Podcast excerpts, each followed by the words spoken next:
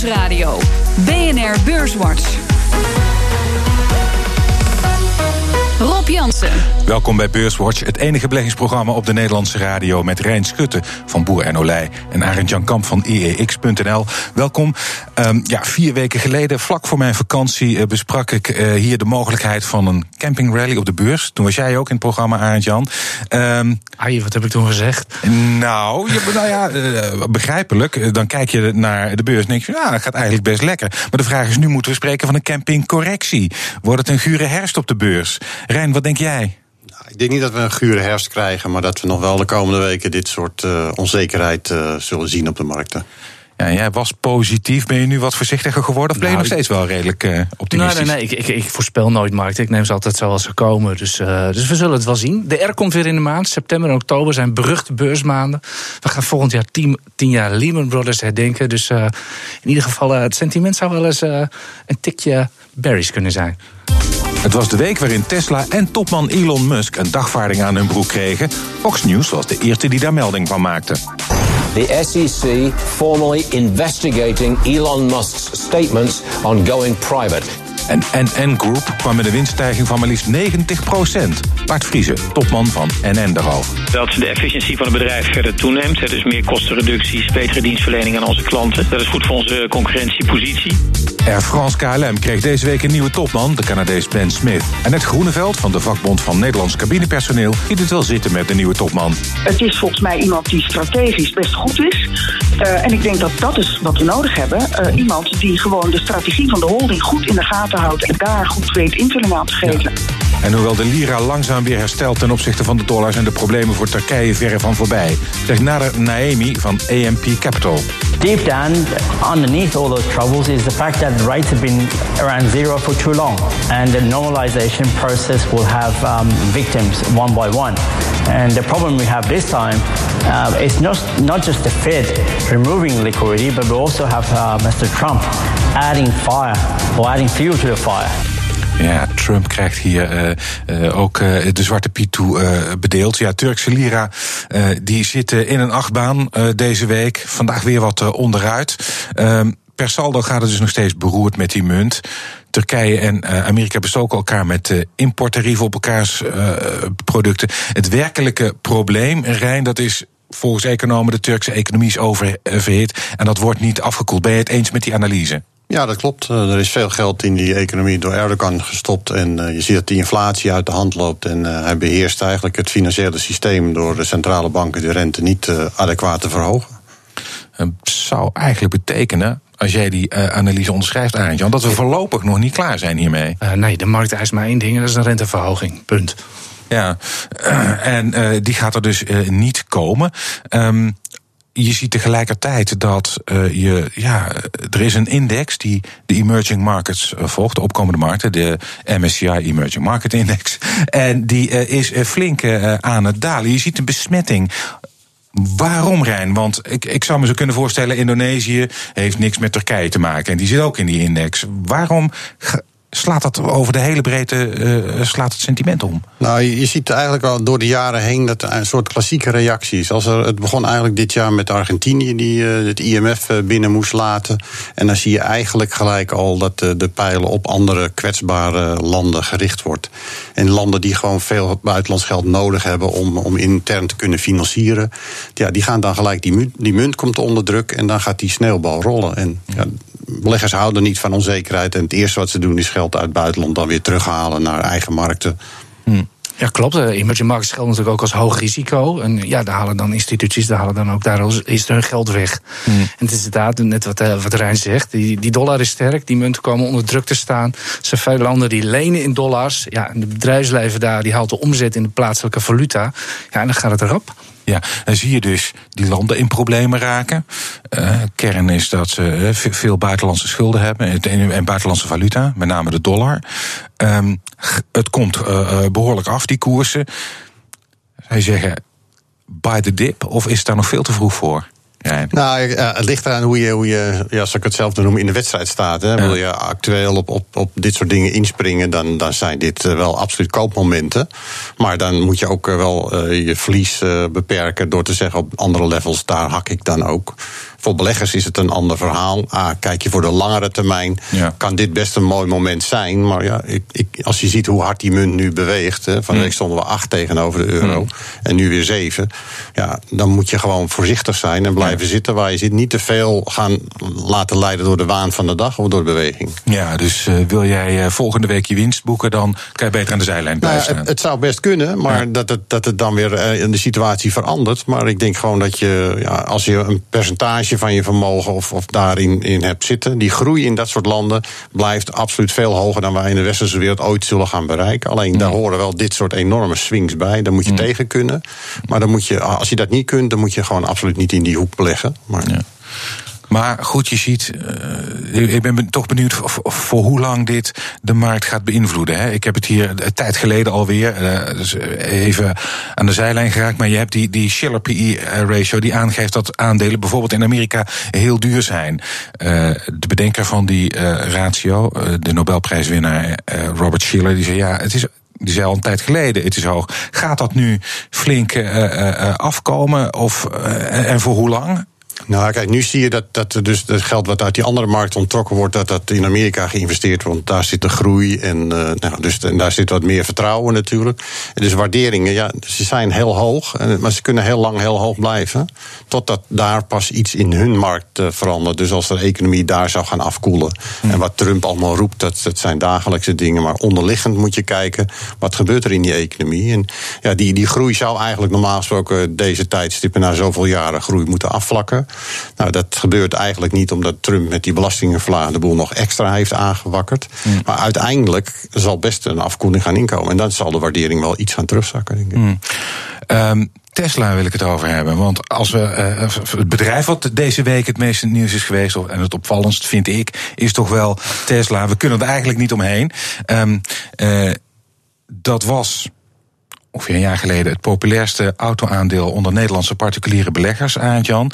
Bleek uit cijfers van Bink. Ehm, denk je dat het nu nog zo is? Eh, dat, dat weet ik niet. Eh, er zitten namelijk ook wel het een en ander mensen short op Tesla. Dus Ja, eh, dat die, klopt. zullen, die zullen dit verwelkomen wat er, wat er gebeurt. Maar ja, wat, wat, wat, wil je, wat wil je weten? Dus, Nou ja, wat ik eigenlijk wil weten. Er is, hij heeft in een tweet gezegd, eh, Musk, en dat is aanleiding voor alle onrust. eh, ik wil het van de beurs halen. Ehm, daarvan heeft de SEC nu dus een dagvaarding eh, uitgevaardigd. naar hem en naar het bedrijf Tesla. En de vraag is. Gaat de SEC doorbijten? Wat verwacht jij? Denk je dat ze hem niet los gaan laten? Eh, als, je, als je kijkt naar het track record van de SEC, dan denk ik. eh, ik ben geen jurist, Nee, maar eh, nee, ik, denk, ik denk dat hij, dat hij zuur is. Ik bedoel, hij heeft getwitterd dat hij. eh, en daar gaat het vooral om in die tweet van hem. Dat hij zei funding secured. Dus Hmm. dat hij gewoon de, de financiële zaken allemaal rond heeft. Nou, als dat niet zo is, ja, dan heeft hij zitten jokken. En eh, Hmm. dan kan de SEC kan, eh, heel hard ingrijpen. Ja, en Jokke, dat kwam vandaag ook nog naar buiten rijden. Hij, heeft ook al, hij is ook altijd heel positief geweest over zijn productiedoelstellingen. En eh, er is nu ook naar buiten gekomen dat ze eigenlijk al langer aan het onderzoeken waren, nog los van de dagvaarding, of die daar ook niet gelogen heeft. Dus dat wordt nog een, eh, een hele lastige eh, kwestie, denk ik, voor Tesla. Ja, nee, ik denk dat er geen andere oplossing is om hem eigenlijk toch eh, van die functie af te halen. En, en dan maak hem Chief Visionary Officer of parkeer hem ergens. Maar Ja, dus als is- CEO ja. wil je dit gewoon niet hebben. Nee, daar, sla je echt de spijker op zijn kop. Het is inderdaad doodzonde dat een, een man als Elon Musk, wat echt wel een visionair is, ja, die moet bezig zijn met grote ideeën. En die moet niet met de dagelijkse beslommeringen van een CEO eh, zich gaan bezighouden. Hij bewijst ook dat hij dat eigenlijk helemaal niet kan. Ja. En eh, dat, dat, dat moet hij helemaal niet doen. Ja, moeten we nou de schroefjes van 2 of 1 cent gaan kopen? Daar wordt dan 3 euro voor vergaderd. Stonde van zijn tijd. Ja, en hij heeft daar nog nachten doorgewerkt. Nou ja, is, ik, ik heb ook gele- gelezen. Nou, dat hoort wel een beetje bij CEO zijn hoor. Dat klopt. Maar je zou zeggen, hij had eigenlijk het Google-model eh, moeten toepassen. Ik las dat Google, toen ze eenmaal grote investeerders binnenhaalden, eh, dat eh Sergey Brin en Larry Page, de grote mannen achter Google, meteen meneer Schmid hebben aangetrokken. En zelf, zeg maar, als techneut op de achtergrond zijn Het is grappig gebleven. dat je het zegt. Ik had het er net op kantoor nog over. En inderdaad, die hebben dat veel beter gedaan. Inderdaad, Larry Page heeft gekeken hoe zo'n oude rot van een, van een Eric Smit... hoe die dat, dat nou runde. Tien jaar het kunstje afgekeken, nu doet hij het zelf. Elon Musk heeft dat niet gedaan. En ja, En dan kun je nog veel verder gaan. Misschien dat hij die productie ook, hè, net als Apple dat doet, die laten ook een apparatuur in China maken. Had hij ook die auto's in China moeten laten maken. Ligt daar lekker het risico? Heb je geen omkijken na? En, uh, maar goed, hij heeft ervoor gekozen om het allemaal zelf te gaan doen. Ja, dat, dat krijgt hij nu dat deksel op zijn neus. Ja, en dat uh, roept dan de vraag op is die wel op tijd? Is, is die misschien wel te laat nu met, hè, als je kijkt, SEC op je dak, uh, productiedoelstellingen chronisch niet halen. Um, ja, hij zegt zelf, uh, de, de, de, de cash burn, hè, we verbranden uh, geld, maar we gaan dit jaar wel weer positief draaien. Hebben we vaker gehoord, ja. Ja, ja, ja. ja. Nou, het feit is in ieder geval dat, dat beleggers er even helemaal geen zin in hebben. Maar het is nog steeds het hoogst gewaardeerde auto-aandeel ter wereld, hoor. Er is ja, natuurlijk dat een hoop, zo, hè? Er is natuurlijk een hoop van de koers af, maar er staat ook nog heel veel. Dus, ja, dat, dat, dat blijf ik verbazingwekkend vinden. General Motors, Ford. Ja, maar alles, alles is verbazingwekkend aan Tesla. Inderdaad, wat, wat Musk heeft gedaan. Iedere willekeurige andere CEO was echt door de Raad van Commissarissen achter zijn bureau vandaag geplukt. Dus dit is... Ja.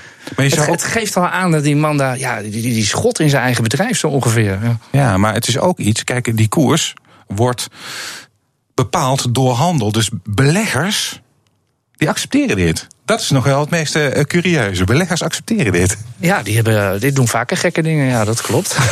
Nou, we, gaan, we, gaan, we, gaan, kijken hoe het afloopt. Uh, we zullen het uh, zien. Zometeen dan praten we verder over beurs en economie. Onder andere de cijfers van NN Group.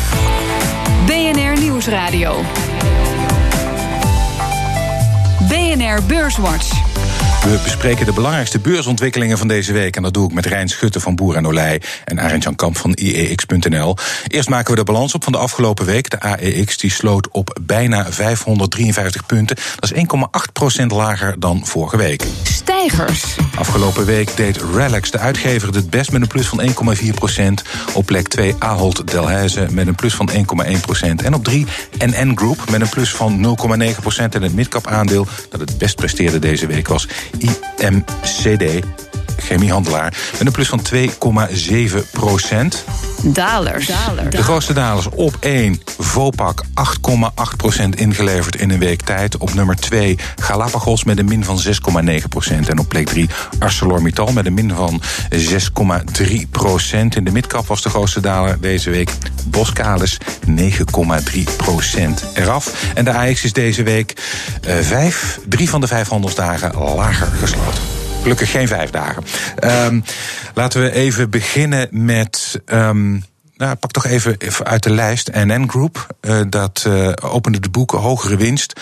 Uiteindelijk uh, winst ook bij het schadebedrijf, solvabiliteit, uh, 226 procent. Het neemt enkele activiteiten over van Oost-Europa, van Egon in Oost-Europa. Wat vond jij van de cijfers, Arend-Jan? Ik uh, vond, uh, vond prachtige cijfers van NN. Net, je noemt zelf al die solvabiliteit. Ja, dat is sinds uh, de Delta Lloyd affaire, zeg maar, een paar jaar geleden. is dat het eerste cijfer waar iedereen naar kijkt. Ja. Maar ook vooral de, de onderliggende marge is met een procent verbeterd. En dat is, wel, dat is wel erg knap. En een collega van mij die zei van ze hebben Delta Lloyd wel heel erg snel weten te integreren in het bedrijf. Dus, ja.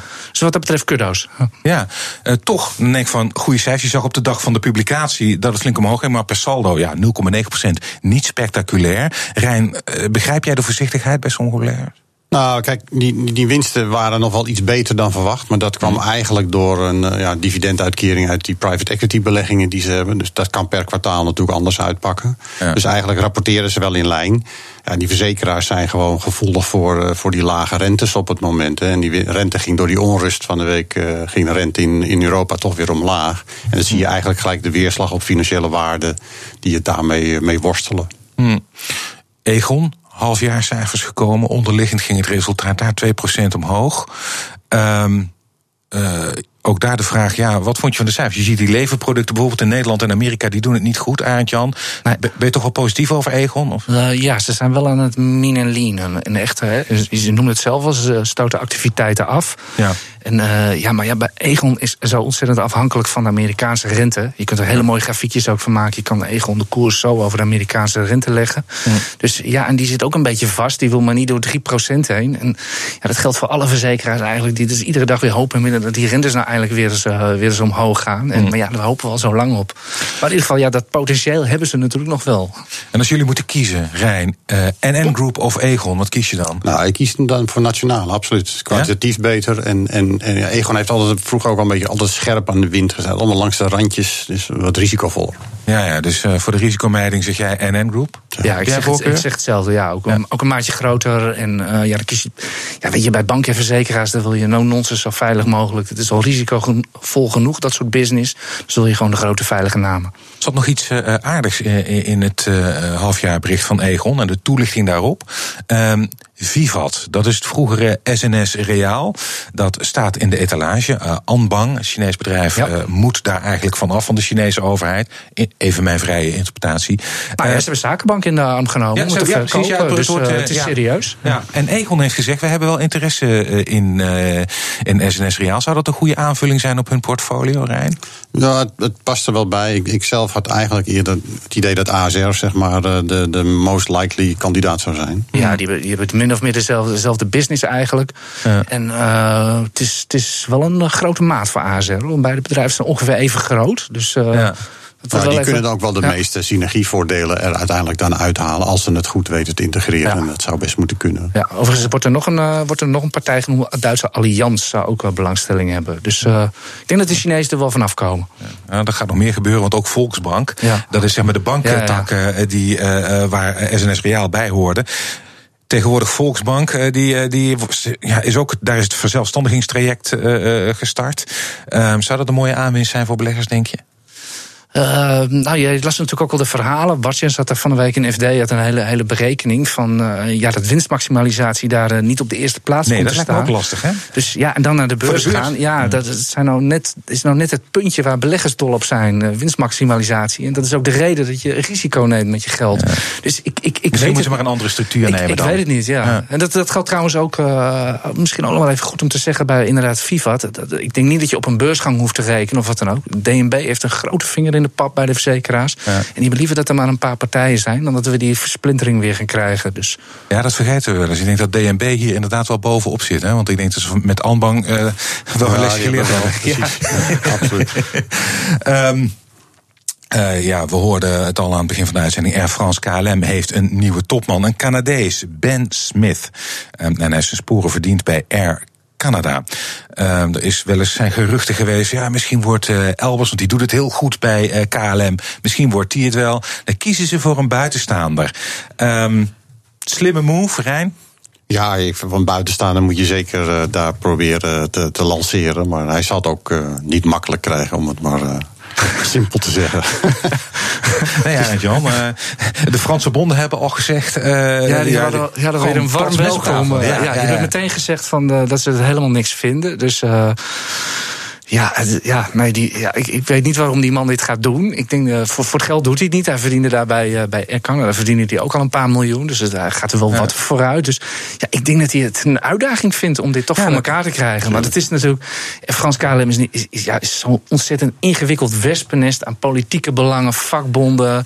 Ja, een Frans en een Nederlands bedrijf. bedrijf. is het een held. Ja, ja echt waar. Ja, dan, ligt ook, dan gaat hij ook wel ergens een hele mooie post krijgen hoor. Maar inderdaad, het is. Ja, het, het, maar ja.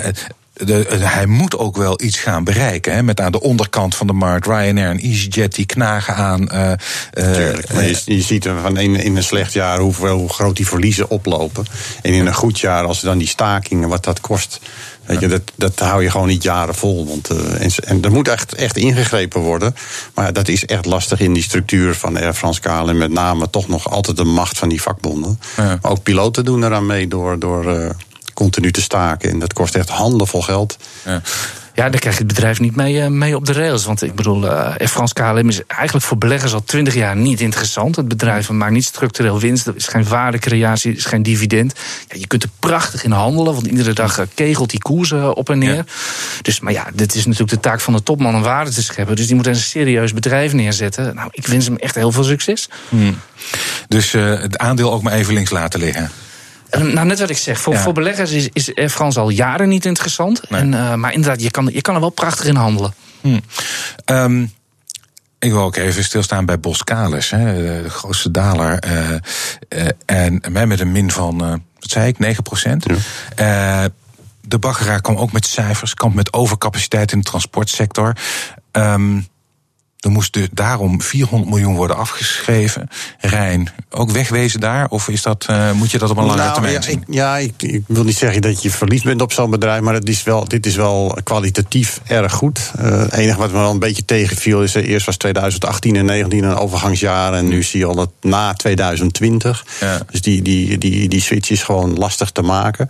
Maar voor echte lange termijn beleggers, heb ik ook mensen die vijf jaar of langer denken, zijn dit wel momenten om het op te nemen en dan weg te leggen. En niet elke dag, elke week naar die koers kijken, want laat die beurs maar zijn spelletjes uit, uitvoeren. Maar lange termijn, ja. Schrok jij van de cijfers? Uh, nou, niet zo heel erg. Nee. Uh, we, zijn, we zijn wel een beetje gewend van CEO Peter Budowski dat hij nooit om de hete brei heen draait. Nee, dat klopt. Hij had het wel redelijk in de week gelegd. Ja, ja. en ik vind het, wat dat betreft vind ik het ook wel een beetje. Volgend jaar gaat hij weg, bij mij weten. Gaat hij met pensioen. En ik vind het hem ook wel sieren dat hij niet alles in de onderste la laat zitten, maar het gewoon nu al uh, er gewoon mee komt.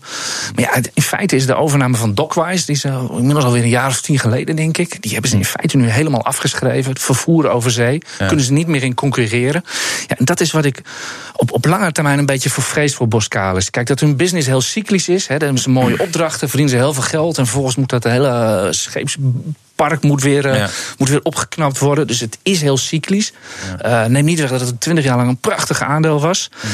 Uh, maar ik ben een beetje bang voor de, con het, concurrentie op uh, de goedkope segmenten. Ja, hoe lang gaat het duren voordat in het Verre, Verre Oosten ook echt die high-tech concurrentie gaat komen? Echt dat, het Boskalis weten dat ze leggen overal waar je maar wilt eilanden aan, vliegvelden. Als ze daar ook concurrentie op gaan krijgen, ja, dan wordt het wel een beetje lastiger in de toekomst. Uh, wat ik ook al een heel mooi uh, bericht vond. Ik heb het jaar met jou eerder deze week al over gehad, Arend Jan, Warren Buffett. Uh, is altijd heel... mooie berichten. Die slaat nog eens even uh, 12 miljoen stuks aandelen Apple in. Um, ja, hij is voor 50 miljard nu bijna. Hij is nu bijna voor 50, 50 miljard, miljard. Apple. En hij schijnt zelf geen Apple te hebben. Nee, uh, nee, het was, was een half jaar geleden of zo. Het was een filmpje, interview met hem op CNBC. En had hij nog zo'n ouderwetse Sony Ericsson klapper of zo. Ja. Of dat echt zo is, er zijn ook mensen die zeggen van het was nep. Maar ja. het, het, tekent hem wel een beetje. Ja. Dat, uh... Maar de vraag is dan ook wel een beetje van... Uh, zou deze man, zouden we moeten volgen met de aankoop Apple? Is dat inderdaad, zit daar nog veel groei in, denken jullie? Dus, mag, nou, mag ik beginnen? Ja, mag ik, ik heb een prachtig grafiekje uitgedraaid van, uh, van Apple. En wat daar vooral opvalt, is dat Apple als, werkelijk als een gek eigen, aandelen aan het inkopen is. We weten natuurlijk allemaal, ze hebben die enorme cashberg. En ze weten nog steeds de marges op hun telefoons en alles wat ze ook maar maken te vergroten. Dus het geld klotst daar echt over de plinten. Ja, en dat is het mooie aan deze topman die er nu zit. Die laat daar de aandeelhouders ruim in meedelen. Niet alleen via, via, via die aandeleninkoop, maar ook via dividendverhogingen. Ja, en dan zitten mensen als Warren Buffett uh, eerste rang. Ja, je eens, Rijn? Ja, dat, dat, dat, klopt. En hij heeft uh, zoveel cash, Warren Buffett. Ja, dan stop je het maar iets in waar je echt in gelooft. Ja, dat, uh... ja het is een uh, behoorlijke schuiver. We zijn alweer bijna aan het eind van deze uitzending gekomen. En ja, dat is het moment, ik zou bijna zeggen het moment suprême. ik weet dat luisteraars er tuk op zijn. de tip van mijn gasten. Um, Rijn, wat is jouw tip voor de beleggers uh, deze week? Ja, ik kies voor, voor Nederlandse aandelen in die semiconductorhoek... die wel heel hard afgestraft worden. Mijn ziens iets uh, te veel. Dus BC, ASMI, dat zijn wel... En ASML ook nog? Ja, ook wel. Die, die zijn minder hard geraakt nu, maar dat is kwalitatief uh, uitstekend. En uh, ja, ik denk dat ze het, uh, deze storm deze, dit half jaar ook wel weer overleven. Ja, en er is nog voldoende potentieel zeg maar, in de ontwikkeling, de toepassing van, van hun producten. Nou ja, ook dat is een cyclische business. En, en dat, daar zit je nu in, in een afkoelingsfase, maar dat, daar komt ook weer snel een einde aan. Goed, de semiconductorsector. Ja, Jan. je noemde al even ASML. Uh, het is niet mijn tip, maar ik zou zeggen voor de mensen die van technische analyse houden, dus echt, echt beleggen op basis van grafieken, kijk even naar ASML. Dat zit in de onderkant van het trendkanaal dus. Ja. Dus dan zou je misschien long of short kunnen gaan, wat je maar wil. Ja. We krijgen ook op ons werk veel vragen: kunnen we ING al kopen? Ik zou zeggen, wacht daar nog maar even mee met al die onzekerheid in die emerging markets en valuta. Dat slaat onmiddellijk bij financials neer. Zeker nu met, uh, met ING, met Turkije. Ik zou nog even wachten. Mijn tip is, uh, is flow traders. Flow traders. Als je uitgaat van, als je denkt van, eh, ik noemde het al, september, oktober zijn vaak wilde maanden op de beurs. Dan willen nog wel eens gekke dingen gebeuren.